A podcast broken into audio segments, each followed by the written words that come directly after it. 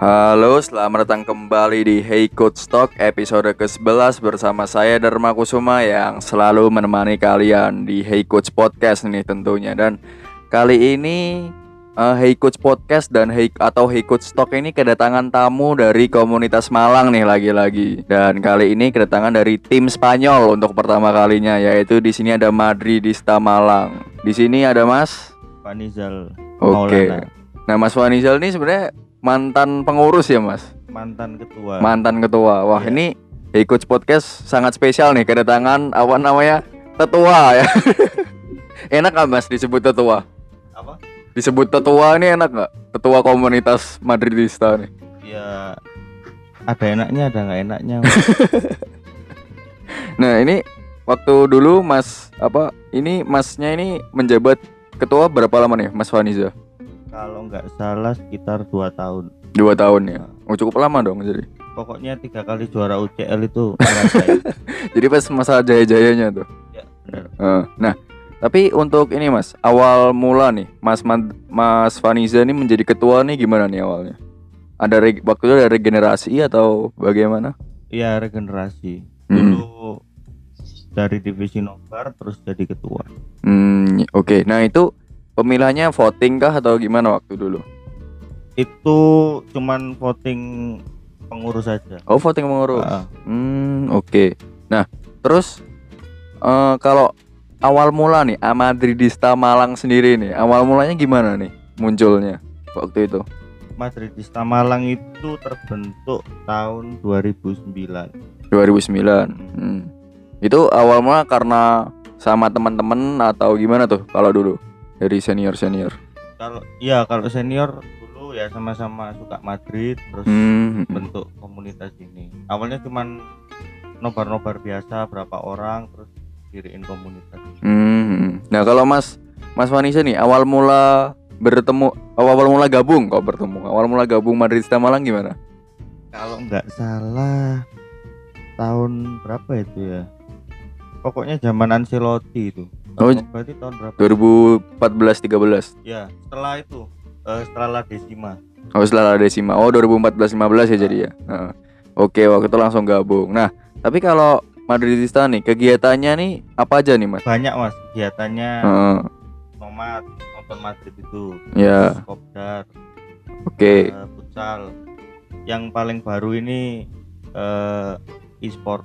Oh e-sport. Main apa tuh e-sportnya?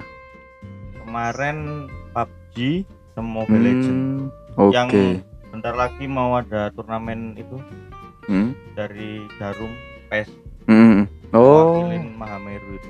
Oke. Ya. Nah, tapi kalau bagi ini para pendengar nih yang pengen eh, para pendengar yang ada di Malang yang pengen gabung Madridista Malang tuh bisa dikunjungi di mana nih, Mas? Bisa dikunjungi di IG, di Hmm. Twitter bisa. Nah, itu lagi open member atau emang bebas aja? Kapan pun bisa gabung. Eh, kita kan bikin grup gitu loh, Mm-mm. biar update sama kegiatan kita. Mm-mm. Jadi nanti kalau DM di IG Mm-mm. nanti bisa langsung gabung ke WA. Oh, langsung di ini ya kirimin link grupnya Ah, ya. Oke. Kalau membership nasional itu baru bulan kemarin itu bulan apa ya? Sebelum pandemi kalau nggak salah Mm-mm. buka. Kayaknya bentar-bentar lagi buka lagi. Oke, nah jadi eh, bagi para pendengar nih yang pengen gabung Madridista Malang atau minimal gabung grup dulu ya Mas ya. Nah, Itu bisa dikunjungi di Instagramnya mana Mas? Madridista underscore ID. Oke, bisa gabung. Nah, bagi para pendengar Hey Coach Podcast yang misalnya nih pengen gabung di Madridista Malang, ada di Madridista underscore ID. Nah, itu kan tadi kita cerita pengalaman-pengalaman tentang komunitas Madridista Malang nih, Mas. Nah, tapi kalau dari Mas Vanisa sendiri nih, pertama kali nonton Real Madrid itu kapan dan apa sih yang bikin jatuh cinta nih sama Real Madrid? Kalau pertama kali nonton Real Madrid itu waktu zaman Ronaldo yang botak itu loh. Oh, Ronaldo Nazario. Ya, Hmm, sama Zidane. oke. Masih ingat gak waktu match pertamanya apa tuh? Oh ya lupa aku. Lama lama banget ya. Pokoknya zaman-zaman Deportivo masih bagus itu. Oh, super depor mas. Iya bener itu. Heeh. Valencia masih bagus. Hmm. Ya itu. Nah itu apa tuh yang membuat jatuh cinta dengan Real Madrid? Apakah karena Los Galacticos nih pemain bintang semua atau apa waktu itu? Karena suka sama Ronaldo Nazario. Oh Ronaldo Nazario. Oh jadi pemain favorit sepanjang masanya Ronaldo Nazario. Iya waktu itu. Waktu itu. Itu. Nah kalau pemain favoritnya nih sekarang apa kok sekarang sepanjang masa Sepanjang masa apa ya? Ya Ronaldo itu masuk. Ronaldo Nazario ya. Heeh. Ah, Biasanya Cristiano Ronaldo nih kalau fans Madrid jawabnya. Tapi kalau Mas Faniza enggak ya? Enggak. nah, tapi kalau momen favoritnya Real Madrid sebagai fans Real Madrid itu apa dong? yang apa itu? Momen favorit apakah waktu La Decima atau Oh, waktu iya. juara bersama? Itu iyalah pasti itu. Heeh, karena udah lama juga ya waktu itu nggak juara champion terus tiba-tiba juara champion Ah, lagi ya kan. Hmm. Apalagi pertandingannya seru kan itu ngegolin menit berapa? Iya, lawan- kan Ramos Hmm, itu. bener. Oke, jadi di momen favoritnya itu ya Mas sama Ah. pemain favorit Ronaldo Nazario. Tapi kalau Cristiano Ronaldo sendiri nggak suka tuh Mas. Apa gimana? Ya suka sih, Heeh. cuman biasa aja tapi. Oke. Tapi kan Real Madrid ini terkenal ini ya, memang terkenal dengan pemain bintangnya tuh. Bin pemain bintang itu jadi Ronaldo nih yang dilihat. Apakah ada kayak kan banyak nih legend-legend seperti Iker Casillas, terus Guti yang asli akademi tuh. Nah, Mas Vaniza nih melihat Real Madrid ini apakah sebagai gimana ya? Melihatnya apa? Dia ini nggak pernah mencetak pemain akademi atau hanya mencetak pemain bintang saja itu apakah setuju mas kan tanggapan-tanggapan dari fans-fans lain seperti itu biasanya Sebenarnya enggak sih mas. Kalau enggak ya akademi Real Madrid itu kan banyak tuh, enggak cuman yang Guti. apa kayak Casillas, Raul, Guti kan Heeh. siapa itu contohnya? Banyak yang lebih bagus di apa di luar Real Madrid gitu loh. Hmm. Negredo, Soldado, terus kayak siapa itu? Fabinho, Fabinho. Liverpool itu kan dari akademi. Alonso Nah, juga. nah iya. Hmm. Juan Mata kan juga juga. Iya Heeh. itu kan banyak. Iya oh jadi sebenarnya akad- apakah karena ini? Akademi Real Madrid itu sebenarnya bagus cuma kan filosofinya Real Madrid ini Los Galacticos kan membeli pemain bintang. Apakah karena itu mas? Kira-kira. Kalau dari Mas Vanessa sendiri. Enggak sih mas. Sebenarnya kan enggak. pemain junior apa yang dari akademi bagus. Hmm. cuman eh, kebijakan presiden ini biasanya datengin pemain yang bintang. top top itu. Hmm. jadi yang apa dari akademi bagus akhirnya pindah. Iya. Nah awal Los Galacticos kan waktu itu datangnya Ronaldo Zidane itu ya kan. Figo.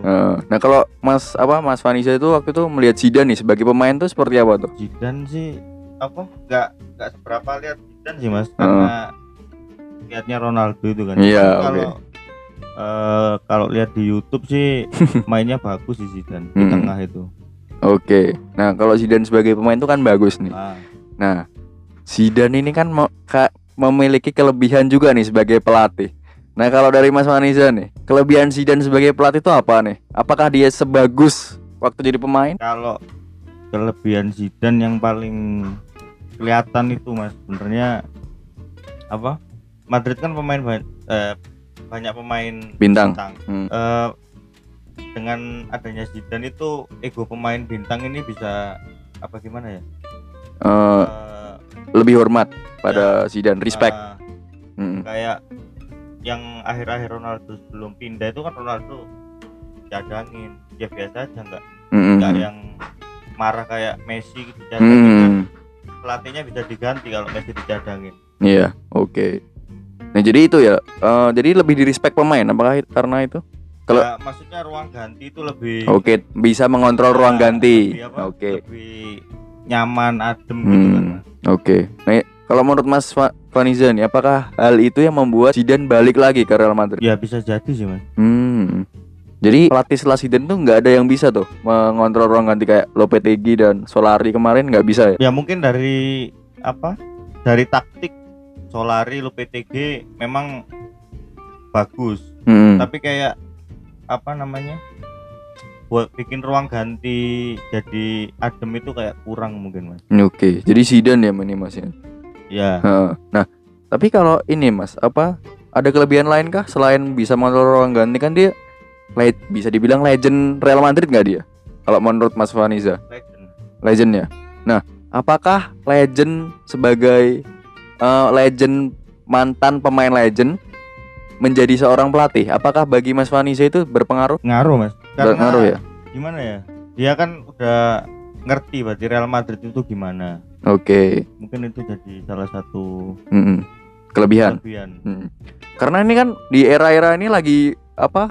Happening banget nih, apa Ah. namanya? mantan pemain legend jadi pelatih. Contohnya Zidane, Arteta, Ole dan lain-lain lah. Nah, ini jadi kalau dari Mas Vanessa sendiri sebagai fans Madrid itu nggak apa-apa ya Mas ya? apa Maksudnya apa namanya? Setuju-setuju aja. nggak apa-apa. Hmm. kan ya waktunya regenerasi pelatih kan mas nggak Mm. yang kayak apa Lipi Capello kan udah Udah lewat ya. ya lewat Hmm. Karena kan banyak apa fans-fans lain tuh nggak ngaruh lah, nggak usah milih apa mantan pemain gitu. Nah itu biasanya orang-orang dan para pendengar Coach Podcast pun biasanya juga berkata seperti itu karena Oh, pelatih itu lapangannya berbeda. Nah tapi setelah itu apakah ada kelebihan lain tuh mas selain legend nih? Karena tahu seluk beluk klub. kelebihan kelebihan lain mungkin di taktik mas ya Oh di taktik malah. Heeh. Oke taktiknya kenapa tuh kalau Zidane? kayak momen-momen krusial dia, dia itu bikin apa perubahan ketika langsung di match itu loh mas Hmm. Itu waktu itu Mas Vanessa melihatnya tuh pas apa tuh match apa pernahnya? yang itu eh lawan Juve di, Di- babak kedua Di mana? final UCL Oh final UCL Ah. 16 17 ya. Mm-mm. Hmm. Itu gimana? Waktu itu babak kedua emang terjadi apa tuh mas? Kalau dari Mas Vanessa? ya kan eh, babak kedua lebih menguasai bola gitu mas Hmm. Oh makanya langsung 4-1 ya. Pak? Ah. Oke. Jadi apa eh, bisa melihat momen nih Zidane dalam segi taktikal apakah seperti itu? kadang bisa kadang ya tiba-tiba jelek gitu Oke. Nah, tapi kalau Mas Vanessa ini apakah melihat jadi apakah melihat Zidane ini sebagai pelatih yang jenius dalam bidang taktik? Enggak juga. nggak juga sih mas kalau jenius kan ya Zidane itu masih di bawah Klopp sama Pep. Pep Hmm. jelas itu mas Oke. jadi mengakui juga ya. Nah, mengaku. Jadi bukan fans Madrid yang buta nih. Oke, nah apa namanya? Setelah itu apakah ada lagi eh, seperti kelebihan Zidane yang lain? mungkin kelebihannya itu eh apa ya mas Yesat Eh, ada lagi kayak ngorbitin pemain muda gitu loh mas dia oh, sepakat, sepakat. Hmm. dia apa PD sama pemain Hmm. muda contohnya yang sering main sekarang kan Valverde Valverde. Hmm. Hmm. Oke, jadi lebih ngorbitin pemain muda ya Zidane. Saya Ah. sepakat sih kalau itu karena eh, seperti Odegaard juga kan dikasih apa? Ke- eh, dikasih kesempatan ya awal musim Ya. ini walaupun cedera kan Odegaard. Itu. Terus siapa lagi ya Zidane tuh pernah ngasih kesempatan siapa lagi tuh Mas?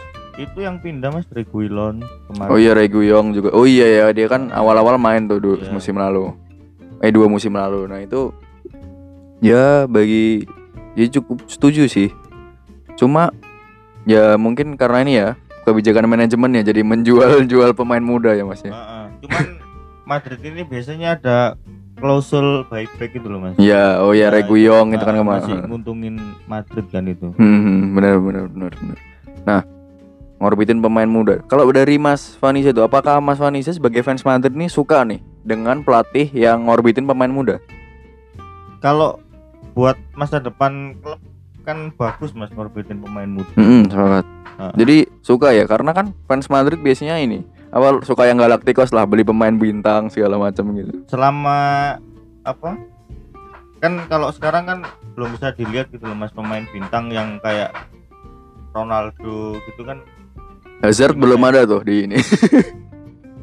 itu belum sih karena kan belum kayak Ronaldo jadi Hmm, mau beli pemain buat apa kan mending orbitin ya. Hmm, gitu kan. oke. Oh, untuk jadi untuk saat ini lebih suka lihat Zidane yang ngorbitin pemain muda jadi. Ya pokoknya mainnya bagus gitu. Oke, nah setelah itu tuh apakah ada lagi tuh mas? Nggak nggak ada lagi kah? Kelebihannya itu aja.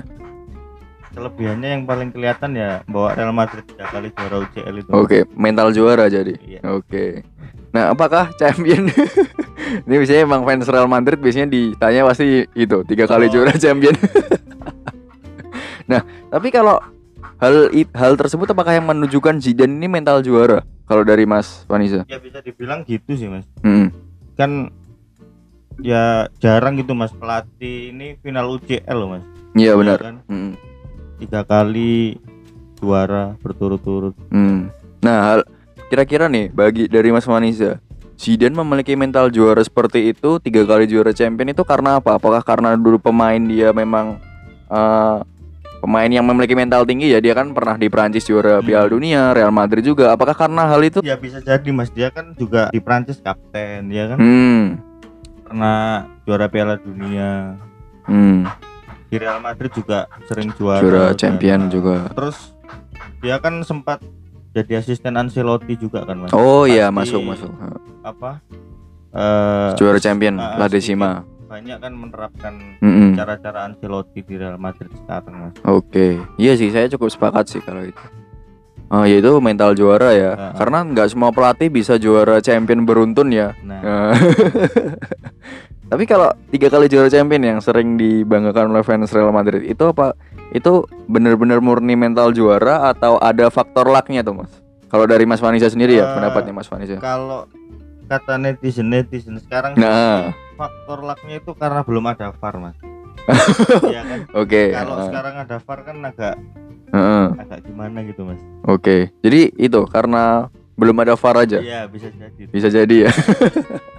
Tapi kadang kalau saya melihat itu ini eh, kadang drawingnya Real Madrid dapat yang eh, cukup bisa dikatakan lebih mudah dibanding klub lain. Kayak lawan Wolfsburg kan pernah di perempat final. Lawan Wolfsburg kan tapi kita Comeback. ketinggalan itu. Ah. Ya, iya sih, ya benar benar benar. Tapi kalau dari tiga kali juara champion nih, yang paling berkesan nih tahun yang keberapa nih dari Mas Vanessa? Yang berkesan itu Yang ini juara championnya paling real nih itulah paling real ya. lawan Juve sih Mas. Oh lawan Juve yang Iya. 2016-17 ya. Ah. Karena itu kalau nggak salah yang sama juara La Liga nggak? Eh Iya kalau nggak salah Mas. Iya sama juara Liga Iya, kan. iya. Hmm. Yang itu mungkin yang membuat lebih manis sih jadi double winners kan waktu itu. Itu karena waktu itu kita Mhm. nobarnya juga di Mall di Noyo itu Mas. Di Oke. rooftop Mm-mm. sama JCI Mm-mm. yang datang itu 2000 lebih Mas. Wah. Itu kita sampai nutup udah kita apa?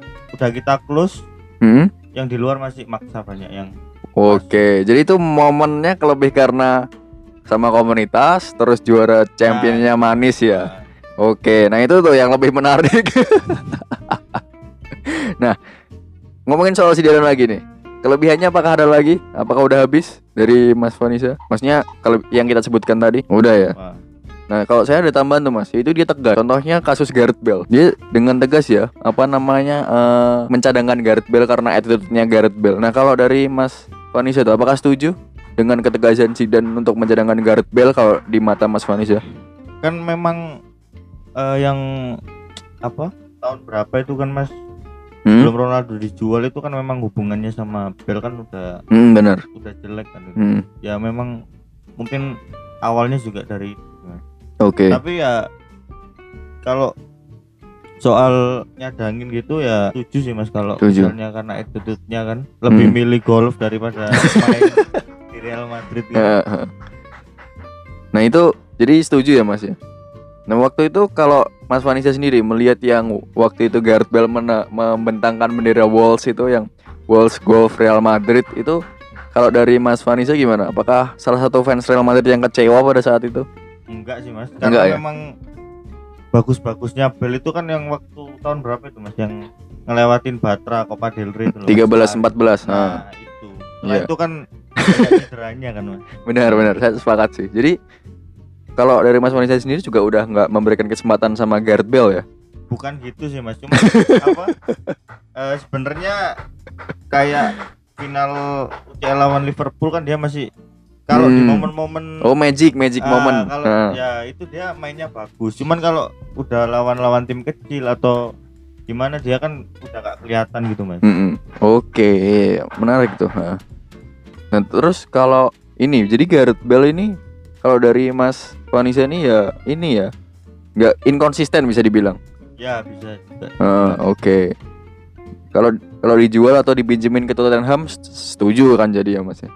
Ya setuju aja mas Oke, nah eh, kalau dari saya juga ada lagi nih Mas kelebihan Zidane itu dia motivator yang hebat juga untuk skuadnya yaitu berhubungan dengan bisa mengontrol ruang ganti tadi atau Hmm. dressing room.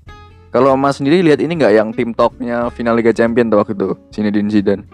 yang di YouTube itu Heeh, yang itu. Nah, Iya. iya lihat sih mas Nah, itu kan bagi saya kemampuan Zidane dalam memotivasi sangat bagus ya memang. iya sih mas cuman waktu tiga kali final UCL itu kan juga masih ada Ronaldo mas Oh, jadi hmm. motivasi itu nggak cuma dari Zidane Oh, dari Ronaldo juga. Ronaldo kan kalau misalnya tim lagi Daun. ketinggalan Hmm. atau gimana dia kan juga ikut motivasi Oke. gitu, Mas. Jadi kalau Zidane sebagai motivator nggak nggak terlalu kelebihan tuh kalau dari Mas Vanessa.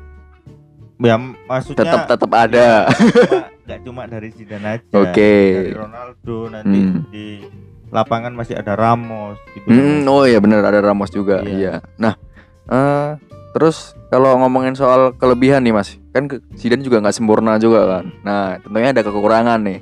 Nah, kalau dari Mas Vanessa nih, kekurangan Zidane itu apa sih Mas? Kalau di mata Mas Vanessa?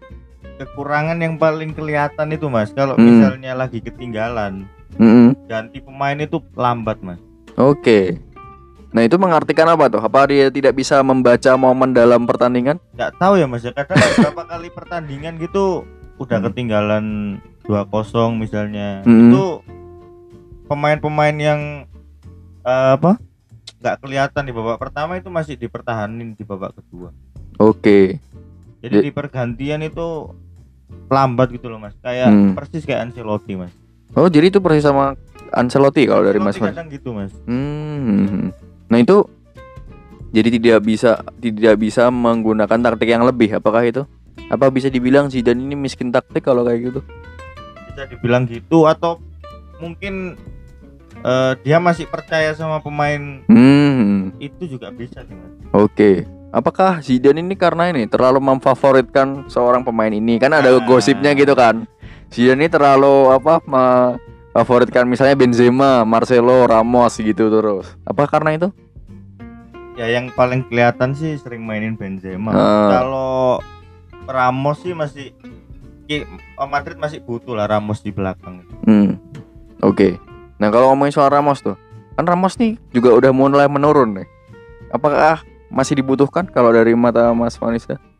sementara sih masih dibutuhkan mas Hmm, karena Karena leadershipnya ya. itu Hmm. jadi misal nanti ngerekrut satu pemain back lagi muda Hmm.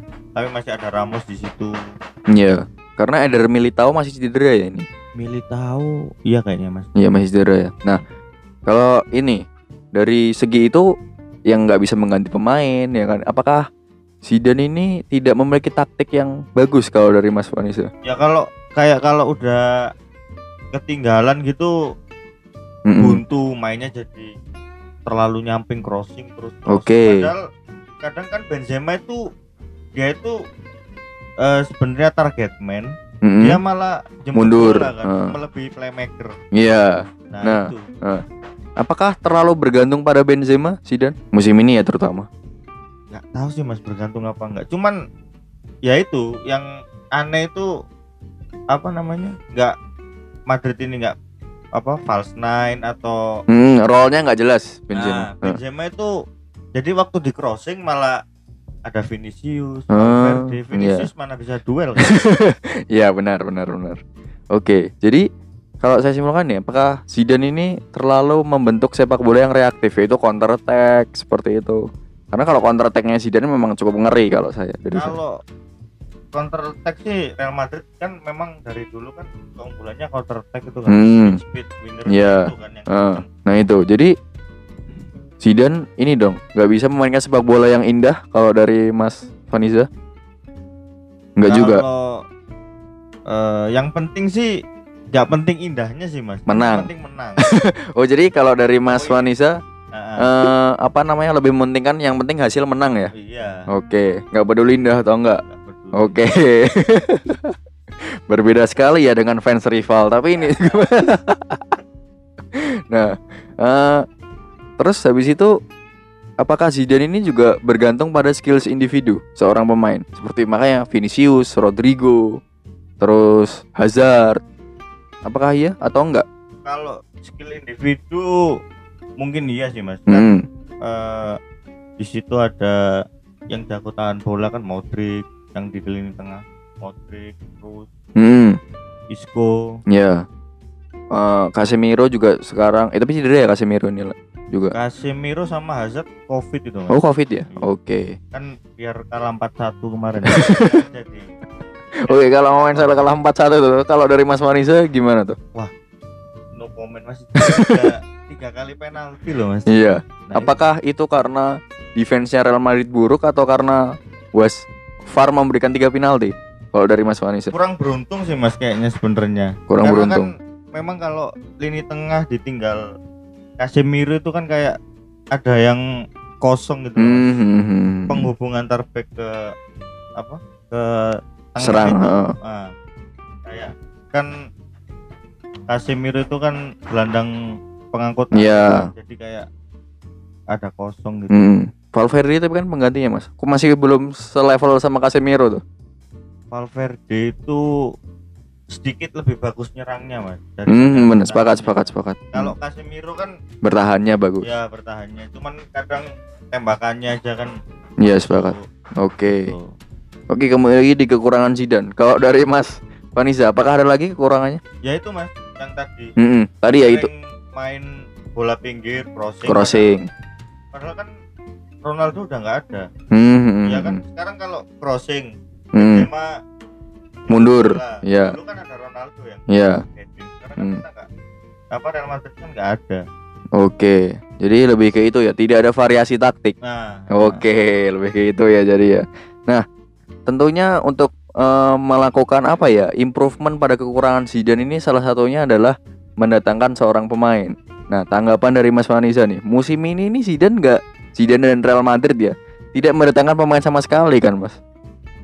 Nah, kalau tanggapan dari Mas Vanisa nih, kenapa nih? Apakah Mas Vanisa bahagia nih dengan tidak mendatangkan pemain sama sekali?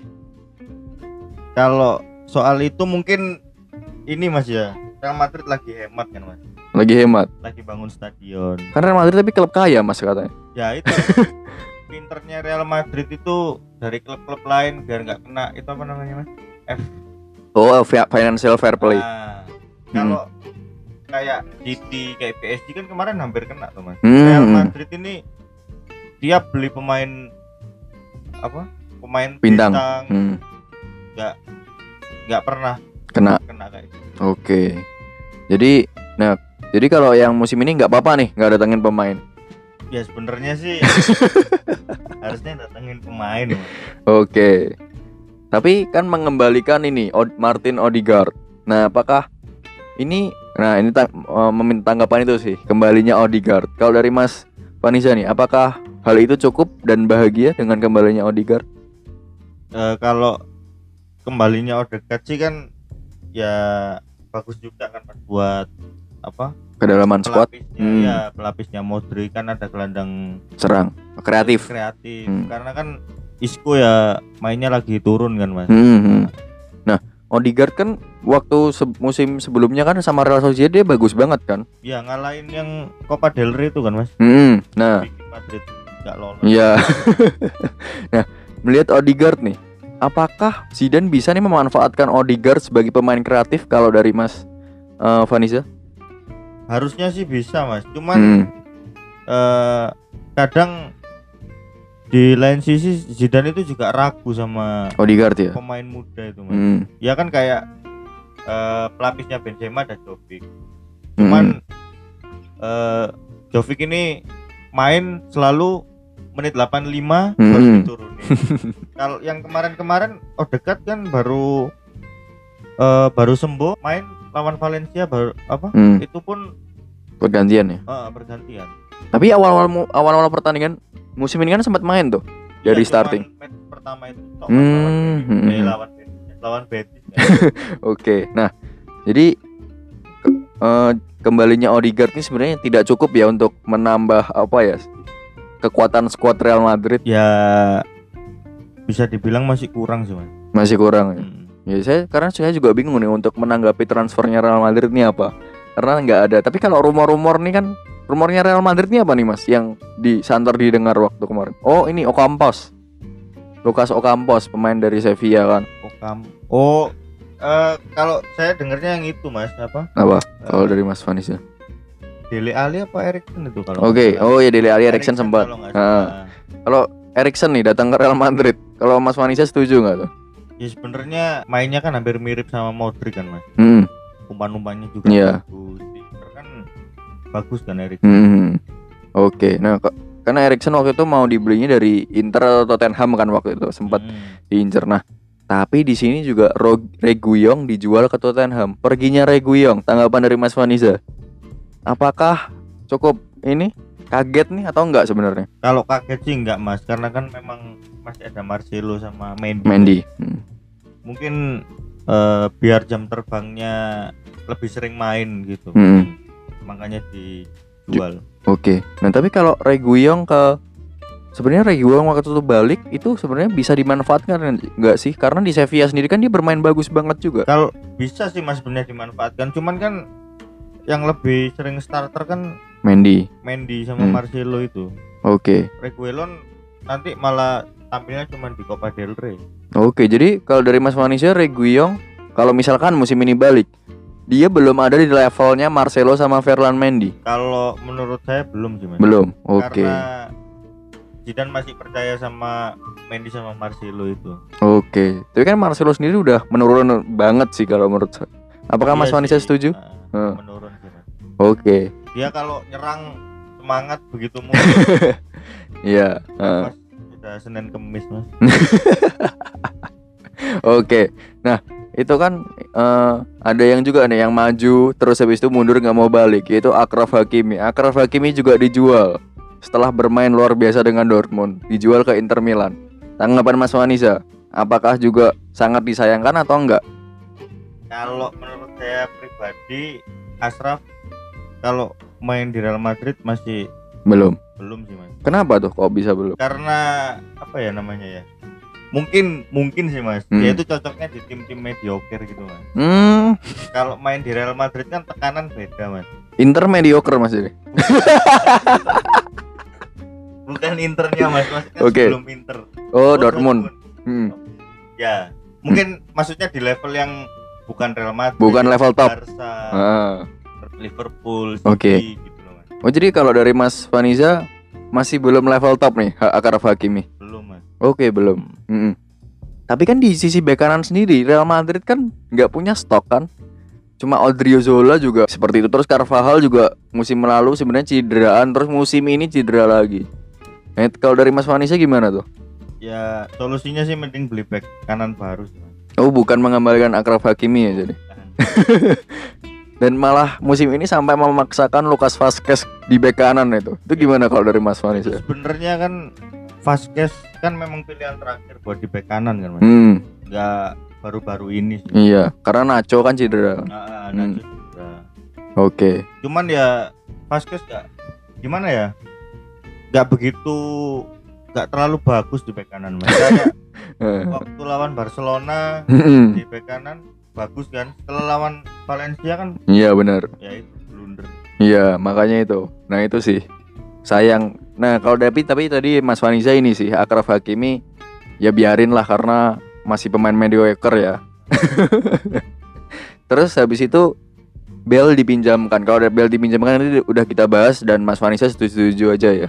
Nah, itu kan hal-hal yang terjadi atau yang rea- yang fakta nih. Nah, tapi kalau dari Mas Vanisa sendiri, musim ini tuh seharusnya pengennya mendatangkan siapa dan membuang siapa? Mendatangkan dulu deh. Kalau dari Mas Vanisa, idamannya pemain idaman yang seharusnya datang ke Real Madrid itu siapa tuh Mas? kalau yang didatengin paling enggak sih harusnya Mbappe mas Oke, iya Mbappe emang kencang sih kemarin rumornya. Ha.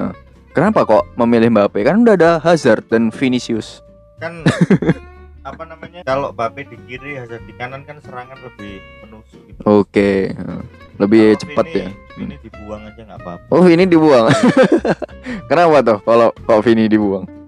Ini kan kebanyakan gocek mas terus kepleset Oke. ha, jadi jadi Rodrigo daripada Vini oke mending Rodrigo daripada Vini ya. Oke. Terus habis itu ada apakah ada lagi tuh pemain yang didatangkan lagi?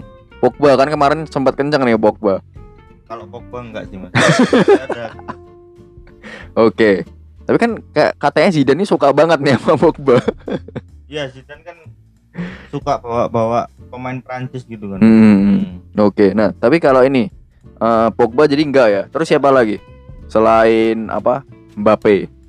Mungkin Hmm. Halan itu mas. Erling Haaland ya.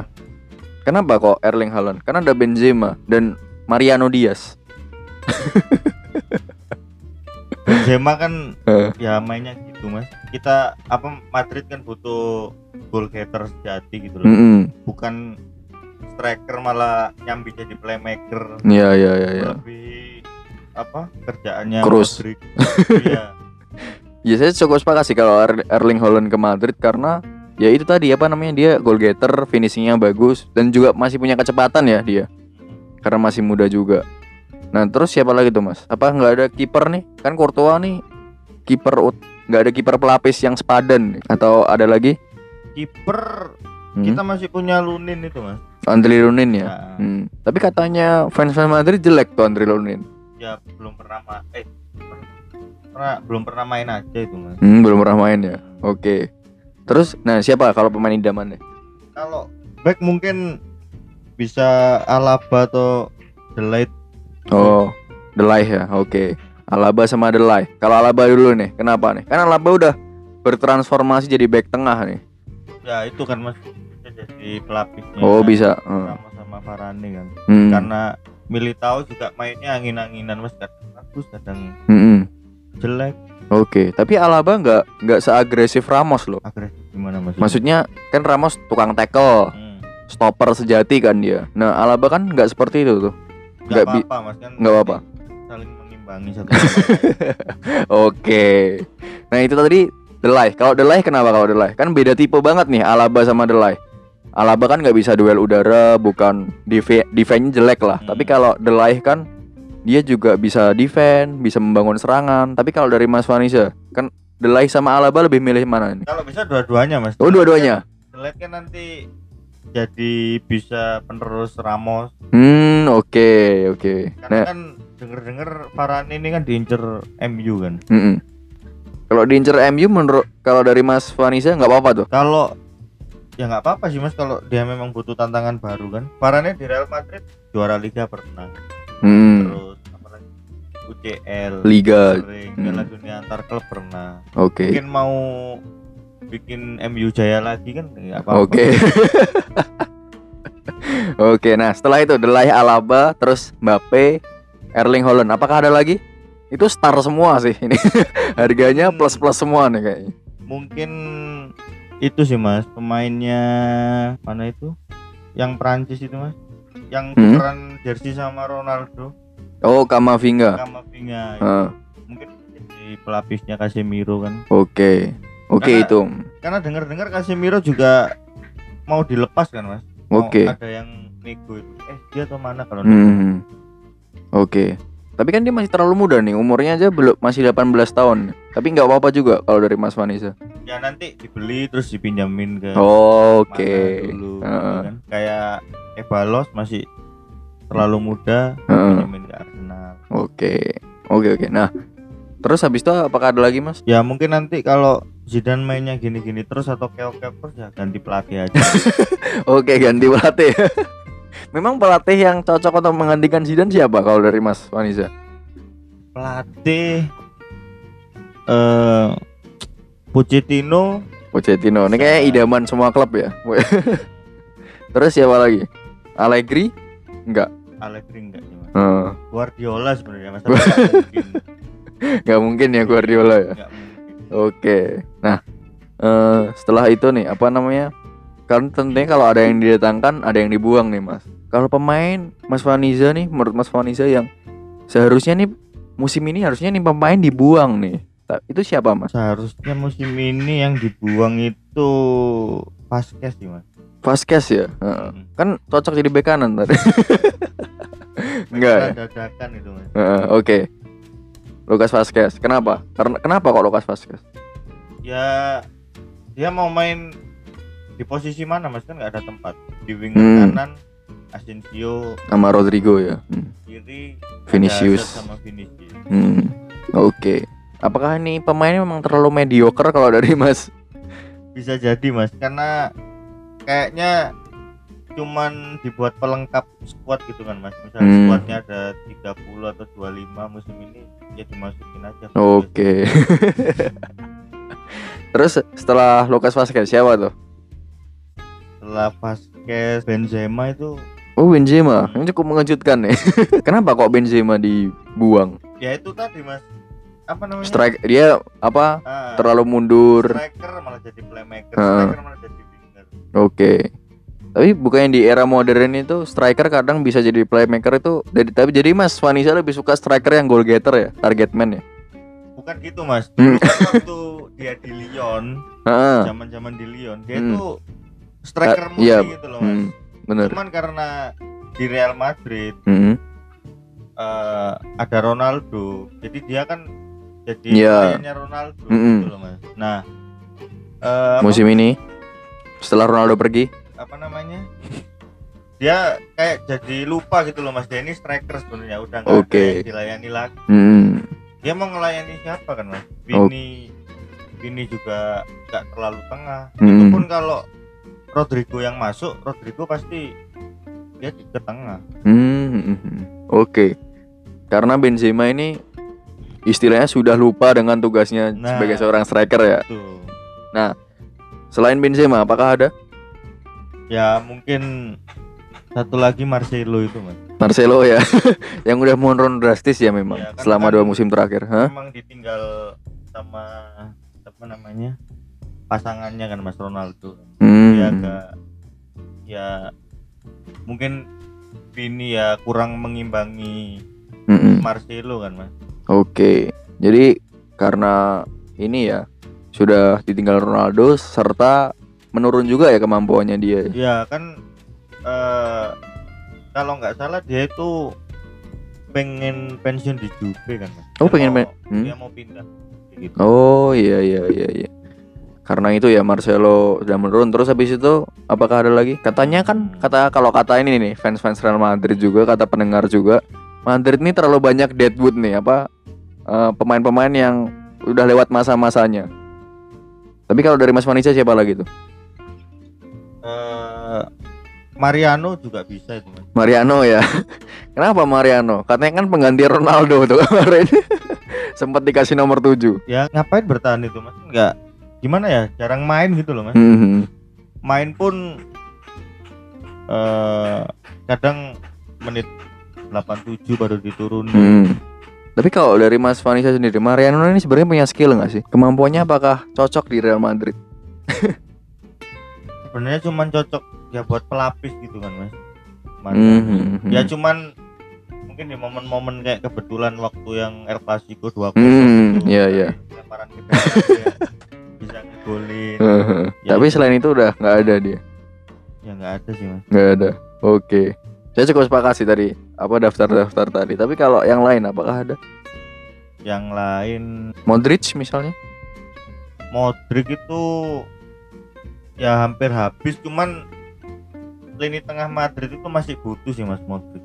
Hmm. karena Odegaard kan juga jarang tampil mas ya Oh karena Odegaard masih kurang jam terbang ya. Hmm. Isco juga turun kan Hmm. Oke, jadi itu karena Modric ma- masih dibutuhkan lah dia playmakingnya. Ya, satu dua musim itu Modric bisa sih mas Hmm. karena dia kan juga bilang kalau masih dibutuhkan Real Madrid dia akan tetap bertahan tapi kalau udah nggak dibutuhin dia Hmm. bisa keluar Oke, tapi, jadi kayak- hmm? tapi kayaknya kalau ganti pelatih mungkin Modric ditendang sih mas karena udah tua itu Nah, benar benar benar. Jadi itu sih. Nah, itu kan kita mengidam-ngidam kan apa namanya? memimpikan. Nah, tapi kalau realistisnya nih, target musim ini nih Real Madrid emang nih apa sih, Mas? Apakah juara La Liga lagi? ya mungkin juara La Liga sih Wajib ya. Hmm. Heeh, karena kan Barcelona dengan komposisi pemain baru banyak yang pindah terus pelatihnya juga baru kan kesempatan tuh mas Hmm, karena Barcelona masih adaptasi ya. ya Hmm. mungkin yang jegal-jegal itu kan kayak ya Atletico, Barcelona bisa jegal Atletico. Atletico, Hmm. Valencia itu selalu jegal Hmm. Jadi kalau dari Mas Vanessa nih Real Madrid musim ini wajib juara La Liga. ya wajib kalau CL punah lah Nah, kalau UCL, kalau UCL nih targetnya apa nih kalau dari Mas Vanessa? Kan dua musim terakhir nih nggak bisa tembus 16 besar lagi nih. Kayaknya sih ya cuman sampai 16 besar lagi. Oke, targetnya jadi 16 besar aja nih. Ya kayak dulu-dulu lah Mas 16 Hmm. besar terus nanti datang satu pemain yang bisa merubah segalanya. Oke. semifinal nanti baru final Oke. juara juara nggak apa-apa kita udah sering kok mas nggak lolos 16 besar Oh ini cukup unik nih. Biasanya fans Real Madrid nih minimal tembus semifinal lah gitu. Tapi ini 16 besar dulu nggak apa-apa ya mas ya. nggak apa-apa itu yang tahu-tahu Madrid cuma lolos semifinal final itu berarti kayaknya yang baru-baru Iya iya benar-benar. benar. orang-orang lama Heeh. pasti ngerasain lah mas 16 besar 16 besar nanti Dan El itu Clasico- cukup lama, Eh, El Clasico ke bantai Barcelona gitu-gitu terus kalau fans lama. lama itu Heeh. Oke, jadi nggak apa-apa tuh ya. Tapi kalau dari Mas Vanisa yang penting ini unggul dari Barca apakah masih penting kalau dari Mas Vanisa? oh penting. Penting itu. Oke, nah jadi kalau ini kompetisi yang lain, Copa del Rey, Mas Vanisa mementingkan nggak nih kompetisi Copa del Rey kan fans apa fans Real Madrid ini kadang kebagi dua, ada yang mentingin, yang penting harus juara Copa del Rey, ada yang udahlah Copa del Rey nggak penting gitu. kalau mau sekali-sekali travel winner ya nggak apa-apa mas Rey diambil juga cuman kalau mau Musim ini kalau musim ini. oh musim ini Hmm. kayaknya lepas lagi sih mas Oh Karena di hmm. Zidane biasanya Madrid atau Madrid itu cuman buat buat rotasi pemain Hmm. Nah, tapi kalau dari Mas Vanisa nih, Hmm. Copa del Rey pentingkah musim ini atau enggak? Mending jadi percobaan pemain muda? nggak seberapa penting sih mas Enggak seberapa penting ya. cuman memang koleksinya kalah jauh sama Barcelona. itu aja sih Oke, cuman jadi kalau mau hmm? ngejar Copa del Rey juga masih panjang mas Barcelona berapa 28 Hmm. atau berapa kita masih separuhnya Oke. Jadi nggak terlalu penting ya. Yang penting nyoba pemain muda dulu di Copa Hmm. del Rey. Oke. Nah, jadi itu ya target-target realistis. Nah, kalau target realistis tentunya ada harapan nih dari Mas Vanisa atau apa hal-hal yang harus diperbaiki nih. Tapi kalau hal yang harus diperbaiki di Real Madrid nih, tadi selain squad itu apakah ada lagi, Mas? Dan juga selain ganti pelatih ya, tadi kan udah nyebutin beberapa kali nih. ya mungkin apa mas? Kebijakan transfer. Nah itu. Kebijakan transfernya Real Madrid ini apakah sudah bagus atau enggak kalau dari Mas Vanisa? kalau ya kalau beberapa musim ini nggak seberapa sih mas. Nggak seberapa jor-joran gitu. Hmm, nggak seberapa wah gitu kan mas. Oke. mungkin musim depan atau dua musim lagi bisa datengin Mbappe tapi ya nggak tahu harganya berapa Oke, jadi Mas Vanisa merindukan kebijakan transfer nama Real Madrid yang jor-joran ya. Apakah itu? Atau enggak? bukan apa ya datengin lah satu dua pemain bintang gitu Oke, jadi Nggak- mer-. Nggak yang terlalu jor-joran gitu Heeh, Oke, jadi merindukan kebijakan transfer Real Madrid yang mendatangkan pemain bintang. nah Oke. Atau pemain setengah bintang nanti dipoles biar jadi bintang gitu. Oke. Nah, apa namanya? Eh, kalau ini pemain mengelola pemain muda, apakah Mas Vanisa udah melihat Real Madrid ini bagus dalam kebijakannya?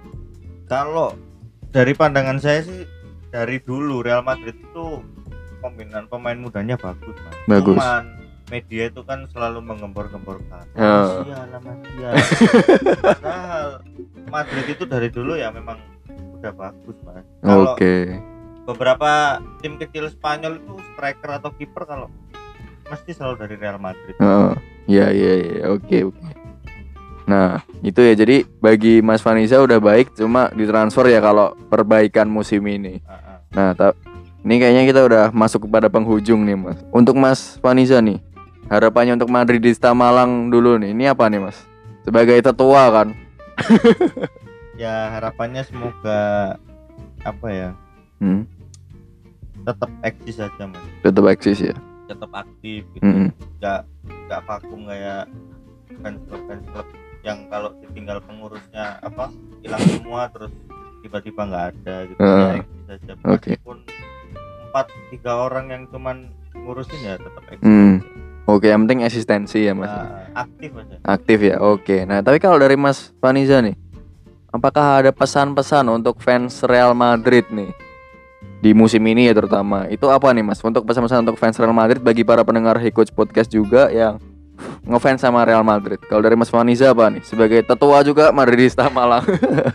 Ya kak pesannya itu kalau Madrid mainnya jelek Hmm, atau Benzema jarang ngegolin ya sabar aja. sabar ya. Mungkin musim-musim yang akan datang Madrid pasti mainnya Bagus. Bagus. Oke, jadi kalau dari Mas Faniza sabar ya Mas ya. Sabar. Oke. Nah, itu kalau dari Mas Faniza, apakah ada tambahan nih Mas? udah sih mas. Oke, oke. Jadi, jadi kalau bagi para pendengar Hey Coach Podcast nih yang pengen join grup Madridista Malang, ini kembali lagi harus kunjungi di Instagramnya mana Mas? Madridista underscore ID. Oke, jadi itu. Jadi saya Dharma Kusuma signing out. Mas Vaniza say goodbye, ya kan? Sampai jumpa di episode Hey Coach Podcast atau Hey Coach Talk berikutnya dan terima kasih ya Mas Vaniza Ya, sudah meluangkan waktunya uh, Siap. sama-sama. menjadi tamu podcast. Goodbye.